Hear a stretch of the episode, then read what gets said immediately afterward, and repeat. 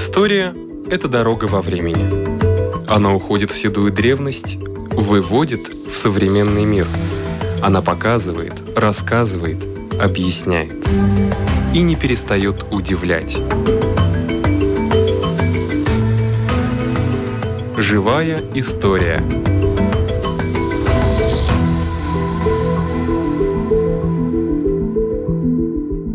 У микрофона Лидия Чера.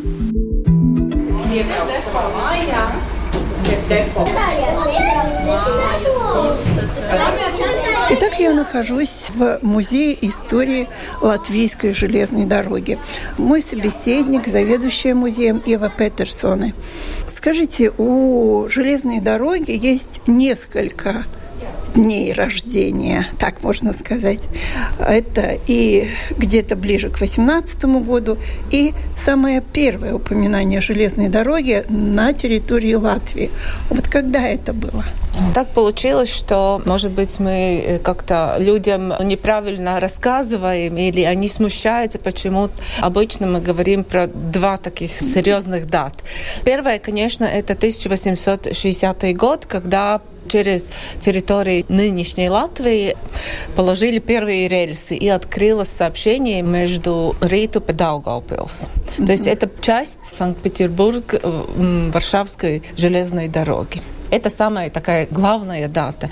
А в 1919 году, 5 августа, это совсем другая дата, когда мы отмечаем Э, рождения государственного общества латвийских железных дорог, когда государство Латвии приняла и создала организацию, которая... Ну, ну переняла вообще. Да, которая руководила почти всеми железными дорогами в Латвии. До этого, до 19 года, железные дороги строились и руководились разными компаниями. Начало было вообще предпринимателей из разных даже стран, которые строили здесь железные железные дороги, а государство только отдельными э, линиями руководило. Такая разница.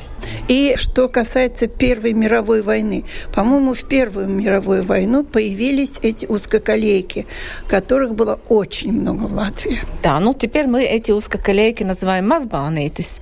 Но... Это одна, что осталось. Ну нет, остались два разных. А то есть, э, да, Венспилс, то, что мы называем мазбанитис, а в Алуксне это мы называем банитис. Это два разных колеи.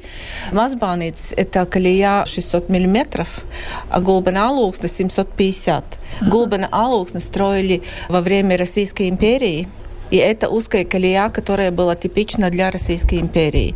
А 600-миллиметровая, так называемая филдбан, это для немецкой армии. То есть во время Первой мировой войны в Курзаме и Земгале построилась довольно широкая сеть, и после войны эта сеть осталась и была хорошим таким способом, чтобы перевозить не только грузы, но и людей. Да, я знаю, что перевозили, и урожай перевозили, и даже скот год перевозили. Да, Все, и даже новые линии построили. После Первой мировой войны все эти линии нужно было достраивать, перестраивать, чтобы они соответствовали каким-то стандартам, нормам.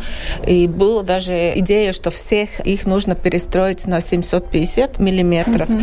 Но все-таки это не сделали. Ну и э, до 60-х, 70-х годов 20 века все эти линии использовались интенсивно, но когда уже появился автотранспорт, Автобусы, автобусы, грузовые машины, лучше дороги стали, тогда, конечно, Мазбанец уже больше не мог конкурировать ни скоростью, ни комфортом, ни частностью, как он ехал. То есть конец да, его ну, пришел. Да, но немногие знают, что у железнодорожного музея есть филиал в Елгове, и он как-то тоже связан с Мазбанитисом. Э, нет, в принципе, нет. нет. В Елгаве э, у нас есть экспозиция, которая находится сразу рядом с станцией.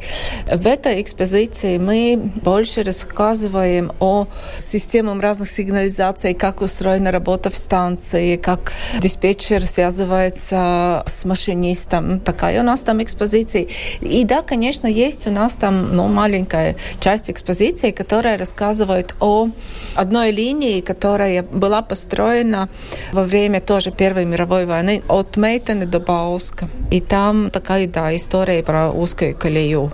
И как э, люди чувствовали и что эта линия дала им.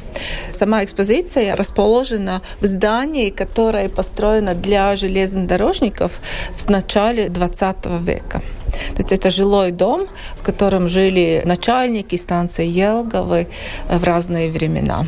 То есть все связано с историей. Скажите, а вот проходит время, и многое, что было современным, становится предметом уже истории. Это заметно вот и по каким-то предметам, которые поступают в музей железной дороги, как в Елгове, так и здесь то, что уже не только как локомотивы, но и как какие-то другие составные части, вот больше уже не используются на железной дороге. Да, конечно, самый старший предмет в музее середины XIX века – это водяной насос для пожарников ну, на да, железной на дороге. дороге. Но новейшие предметы, ну, может быть, например, пульт станции сортировочной горки пять лет, по-моему, уже назад проходила модернизация этой горки, то есть руководством все, всего движения. Да. И пульт, сами железнодорожники, которые работали с этим пультом, они позвонили в музей, говорили, что вот у нас проходит модернизация, может быть, старый пульт отдадим музею. И вот наша экспозиция, и можно посмотреть не только сам пульт, но и у нас есть, например, фильм, где видно, как происходит работа до и после. То есть мы показываем и какие-то новые технологии, которые использует железная дорога, и то, что оно сменило. На наш взгляд, мы все ждем, конечно, новых вагонов пассажирских, и ждем, наверное, тогда вам тут полные составы придут в музей. А, старые? Старых вагонов? Ну, мы очень бы хотели, чтобы в музей еще наш подвижной состав, коллекцию дополнил дизельный поезд ДР. Mm-hmm который был изготовлен в Латвии. Электричка старая 60-х годов у нас есть, но вот дизельного поезда нет. И начиная с 28 октября на нашей экспозиции можно будет и посмотреть будущее, взглянуть. То есть у нас будет экспозиция про Rail Baltic. Какая там колея будет, ширина колеи? Там будет э, европейский стандарт. Европейский да. стандарт.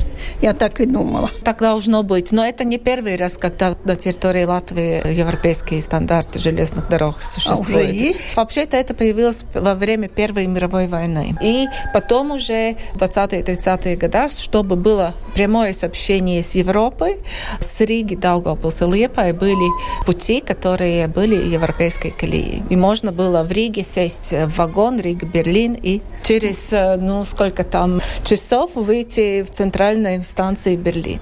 А как давно это было? В какие годы? 20-е, 30-е, 20 Ах, да, 20-е, 30-е да. вы сказали. Да. То есть сто лет уже прошло. Да, ну, в принципе, почти сто лет. Да. Пора возвращаться. Пора уже, давно было нужно. Да. Вообще-то, мне кажется, все-таки модернизация железной дороги идет довольно медленно. Ну, мне так кажется, конечно, со стороны, просто как пользователя электричкой. Поэтому кажется, что мало что меняется. Наверное, я ошибаюсь, раз у вас только тут один пульт поступил. Не только один пульт, конечно. Есть и другие какие-то средства. Да, у нас там э, экскурсии э, слушает, э, как прибывает паровоз. Это всегда громко и вызывает большие эмоции у, ну, особенно у, детей. у таких да, детей мелких. Да.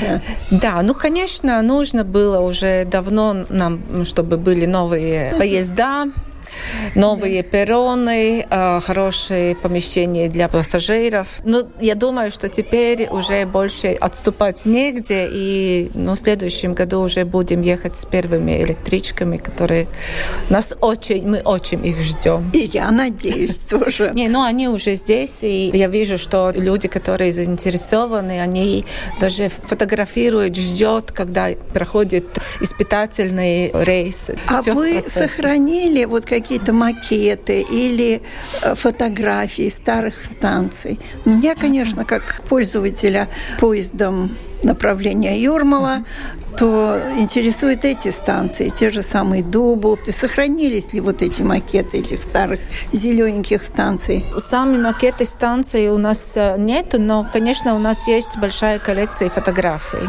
И э, во время пандемии у нас была большая возможность приступить большими шагами и сделать дигитализацию этих фотографий. Да, и, и можно увидеть. Да, и наша цель в течение пяти лет или даже меньше – чтобы вся наша коллекция была в нашей страничке домашней, и эти фотографии люди могут свободно смотреть. Но теперь где-то у нас там 6 тысяч фотографий и документов. Uh-huh. То есть можно зайти в э, страницу музея железной дороги, и там есть станция под одной другой станции, чтобы было место, где заезжать с семи разными составами. И потом pārsteigt skatītājs. Тому и мы не делали какие-то другие вымышленные станции. На макете у нас еще есть самый высокий железнодорожный мост в Латвии через э, реку Рауна. Давайте посмотрим. Да. У вас даже вода реальная или пощупать можно? Пощупать можно, да. Но выглядит как реальная, но, да, конечно, нет. Да, реально. ну и, конечно, мы видим, что на мосту у нас там альпинисты, которые лазят. То есть... Которые прыгают с этого моста. Нет, нет, нет? не лазили. Но это такая маленькая ремарка про наше хобби тоже. Есть еще много чего там можно сделать, разные сцены, этюды. Ну, то есть это работа следующих лет. Но а так макет работает, и сейчас а, могу и запустить. Конечно, показать. конечно. А мастер еще продолжает работу, которую вы назвали? Э, Алфред нет, к сожалению, он ушел от нас пару лет назад. Жаль, конечно. Когда-то старый макет работал вручную, все нужно было делать. Теперь у нас сделана программа, маршруты для поездов, все как на железной дороге. Поезда идут по расписанию. Ох, расписание есть? Конечно, да. У вас два поезда или один? Нет, вообще должно быть семь.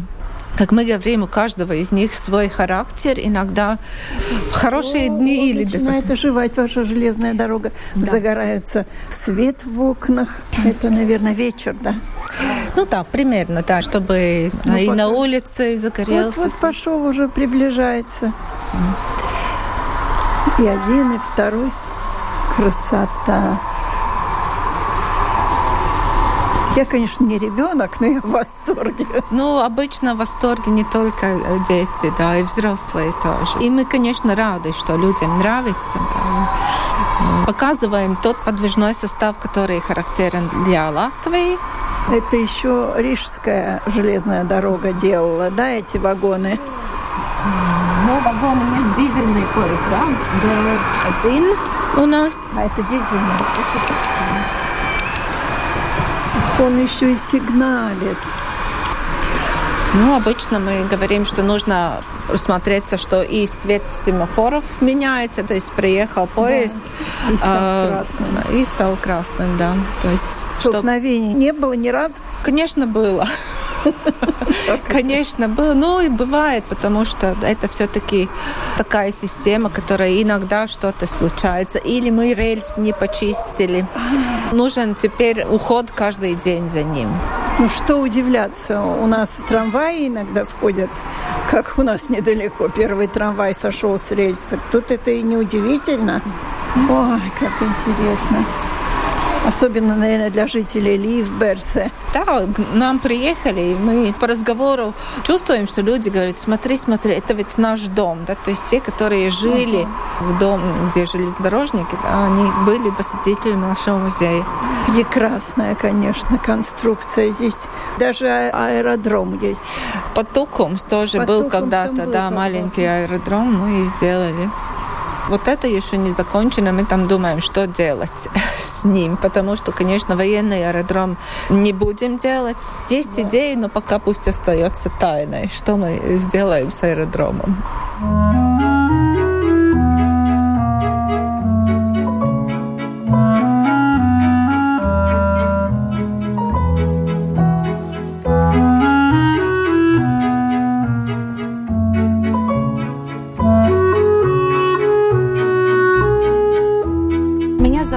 Солвита Пойкана, и я куратор выставок. Так вы сказали, что сейчас время такое, что у людей надо спрашивать, ездили ли они на поезде? У детей нужно спрашивать, да. Да. И многие действительно говорят, что они только видели поезда, может быть, они видели в каких-нибудь фильмах или мультфильмах. И тоже вот этот паровоз большой, который мы здесь видим в музее, тоже называют его Томасом именно. Но сами они очень часто никуда не ехали на поезде. На самолетах, да, а поезд для них это все-таки что-то уже чужое. Ну, моей внучке 18 лет, она ни разу не ехала на О. поезде, где есть полки для спанья. Да, и мы такие слова тоже, конечно же, учим. Мы учим слово купе, потому что тоже да. не все знают, знают каюта, знают еще разные слова.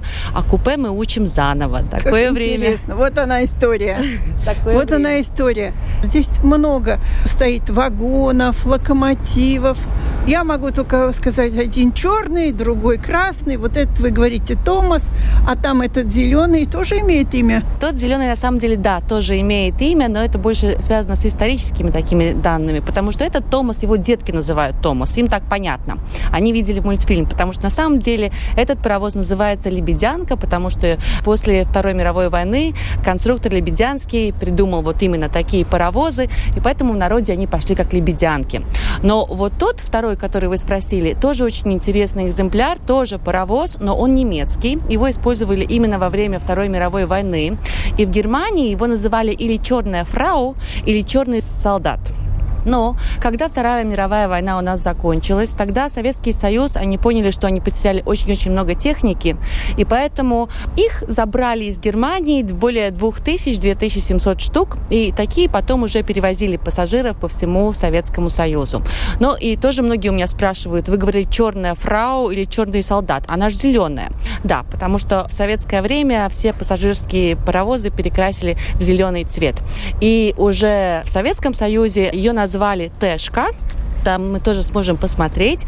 И буковка Т означает трофейная. Именно а, потому, что вот забрали, да. Ну, поэтому, да, у второго паровоза у нас тоже получается три имени. И Тэшка, и Черная фрау, и солдат. Так что она у нас такая. Да, прекрасно. Это паровозы. Это паровозы, да. Это, они именно паром и питаются, скажем. Нужно сказать, что они когда-то питались паром, но, конечно же, время взяло свое. Потом у нас появились дизельные поезда, потом появились электрички. Но нужно сказать честно, что вот именно вот этот, он уже в конце своего хода, его уже использовали мазут, чтобы он мог бы куда-то ехать. Это да. Томас использовали? Да, это Томас, да. Тогда уже использовали мазут, поэтому уголь больше не использовали. Идем дальше или И... зайдем внутрь? Давайте как... зайдем вовнутрь. Ну а внутри что мы узнаем? Две особи женского пола в том, что там есть. Пошли а, по На самом деле мы узнаем, что не так много людей вообще сейчас умеют управлять паровозами и сейчас даже не учат. Поэтому те, которые еще умеют машинисты, те еще умеют и помнят. Ну заходите а первая. Нет. А молодежь нет. Вот она топочка. Да, и здесь мы тоже можем зайти, и может э, зайти любой посетитель музея, что очень важно, и почувствовать себя, как это было быть машинистом в таком паровозе. Здесь мы видим печку, конечно же, видим, что она очень-очень большая, видим места машинистов. Но машинист не заправлял печку. Нет, машинист там где-то впереди был. А, машинист был, один был там главный, здесь был второй машинист который, если что-то случалось, открывал вот эту дверь и тогда шел чинить даже ездящий паровоз. Я думаю, что там впереди каюта, а там ничего нету больше, да? Только этот нос. Только этот нос, да. Нос, который... Как э, же тогда? Он же не видел ничего практически. Он практически ничего не видел, да. Поэтому машинисты, конечно же, они должны были очень хорошо чувствовать всю дорогу, потому что ничего не видно. Ну и то, что мы говорили, вы спрашивали, машинисты же не топили? Нет, машинисты не топили. Здесь был еще третий человек, который вначале брал оттуда уголь, такой очень длинный лопатой, и тогда бросал сюда в печь. Ага. Кочегар. Кочегар, абсолютно Все верно. Понятно. Да. А здесь показывали, каков давление. Давление. Да, да, это здесь тоже можно увидеть. Можно увидеть разные ручки. Некоторые из них тоже красного цвета, потому что они были очень горячие. Конечно же, здесь можно было видеть, сколько у нас воды и манометр, который показывал давление. Почему столько ручек, я не пойму. Но вода и выпуск пара, наверное. Снять, чтобы выпустить пар. А ручек, господи, тут 15. Наверное. Ручек очень много, и даже у тех машинистов, которые сейчас к нам заходят, потому что мы же тоже музейные работники, тоже общаемся с разными машинистами, даже они теперь не могут рассказать, для чего эти все ручки. Поэтому, к сожалению... Доверимся, что. Но наверху есть окошки. Это хорошо, а то бы совсем в темноте сидели. Да, да, есть окошки. Но еще, если мы так себе представим, то здесь всегда было очень-очень грязно, и ну здесь всегда было очень жарко. Да. Уголь. Уголь, конечно. Да. Угольная пыль – это ужасно. И машинисты тоже глотали эту угольную конечно, пыль. Конечно, конечно. Мы тоже можем еще пройтись дальше. Да, с удовольствием пошли вниз по лесенке. Хорошо, что здесь есть лесенка. Как они вообще забирались? Это же так а здесь лестница высоко. тоже можно увидеть, да, высоко и очень неудобно. А, да, неудобно. Да, у нас лесенка. она сделана более, хотя нужно сказать, конечно же, все равно это очень высоко. И паровозы, как мы видим, они огромные. И, да. конечно же, когда первые паровозы вообще появились, люди, которые жили где-нибудь подальше, и вообще, когда первый раз их увидели, они боялись, крестились и думали, что это за такой большой, огромный огромный монстр, который едет, э, гудит, пыхтит, пыхтит и так громко. Да. И он такой большой. Конечно же, боялись первых паровозов. Ну, пошли дальше. Я Мы их бы... не боимся, но это тоже производит впечатление. Да, производит впечатление. И теперь уже паровозы мы можем видеть, в принципе, только в музее, потому что, конечно же, больше их не используют. У нас есть другие поезда. Даже в Гулбене Алуксне, на этот Мазбан, там тоже локомотив уже ходит. В Гулбене Алуксне там сейчас уже ходит, да, локомотив, но были паровозики, да. да. И в Венспилсе тоже были. Но там была узкоколейка. Мазбанитис называется. Да, да. Знаете, что это такое?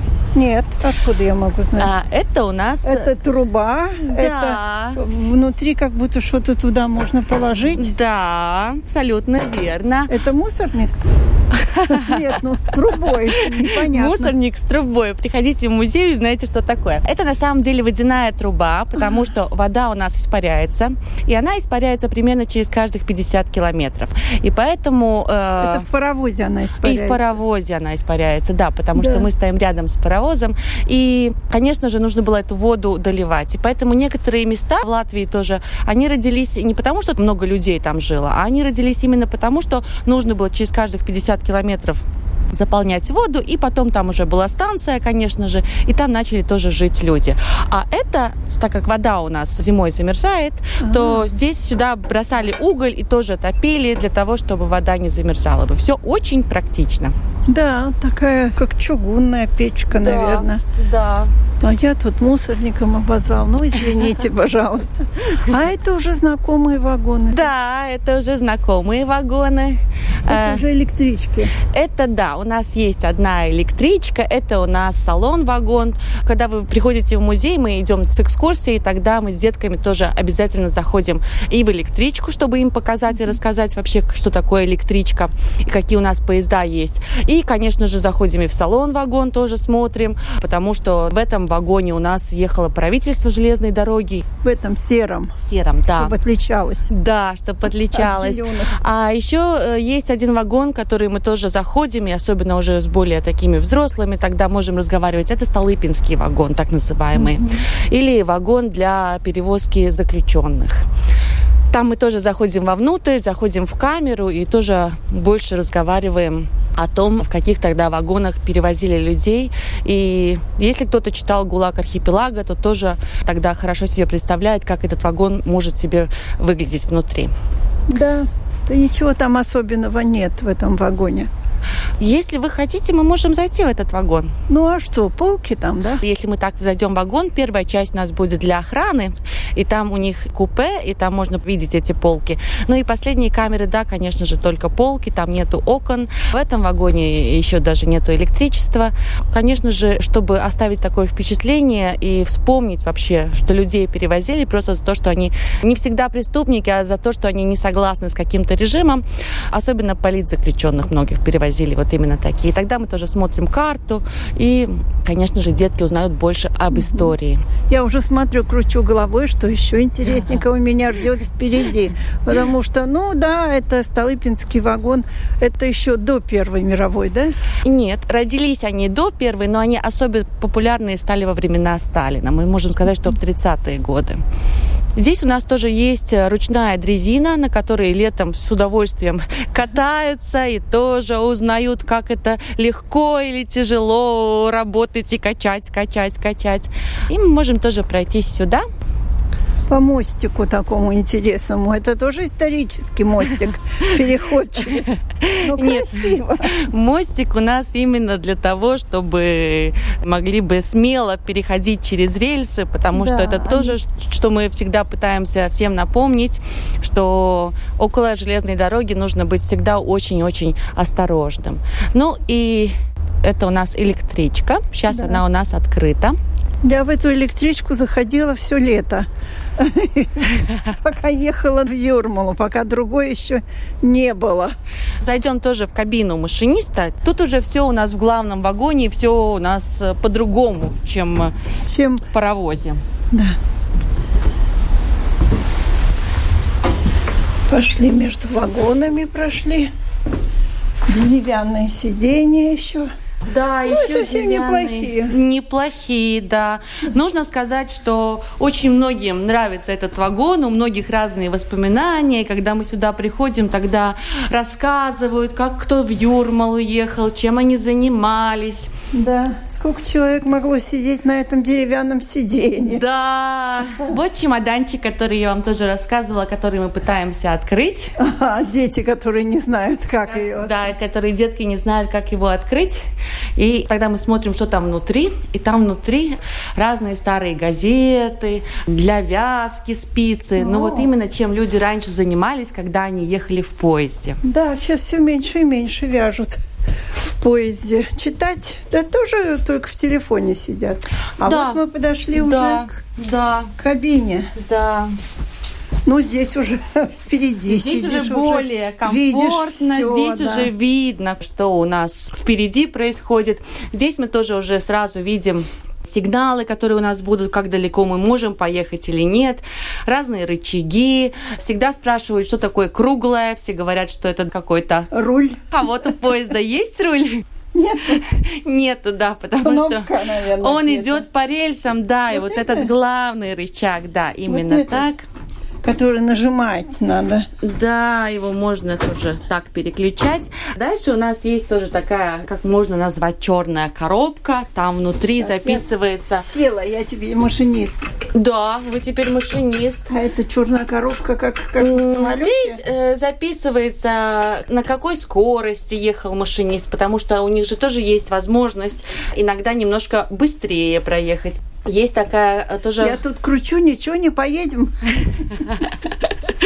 Нет, не поедем, да, это тоже такой вопрос. Если я кручу, да, куда-нибудь поедем. Нет, сейчас мы уже в музее, и они уже у нас так э, Ну, вы меня успокоили. Так закреплены, да, что мы никуда, никуда не поедем. поедем. И потом электричество не подключено. Да, конечно же. А эти все кнопочки. Да, очень много разных кнопочек и конечно же... А этот плохо как-то нажимается, который главный. Ее больше нужно в сторону. А, в сторону, вперед, назад. Ясно. Сигнальная лампа. Опа, включена. Все, поехали. Поехали, да. Но выходим сейчас отсюда, да? Холодно сейчас уже, даже летом жарко, здесь холодно. Ну и а, вагоны-то тогда и не отапливались, по-моему. Э, Я не помню, чтобы было отопление. Или была печка какая-то. Печка, да, печка есть. Ну, конечно же, в вагонах вот даже больше чувствуется. Если на улице прохладно, то здесь еще как-то еще более холодно. Если на улице жарко, то здесь совсем жарко. Ну да. Да, теперь так оно есть.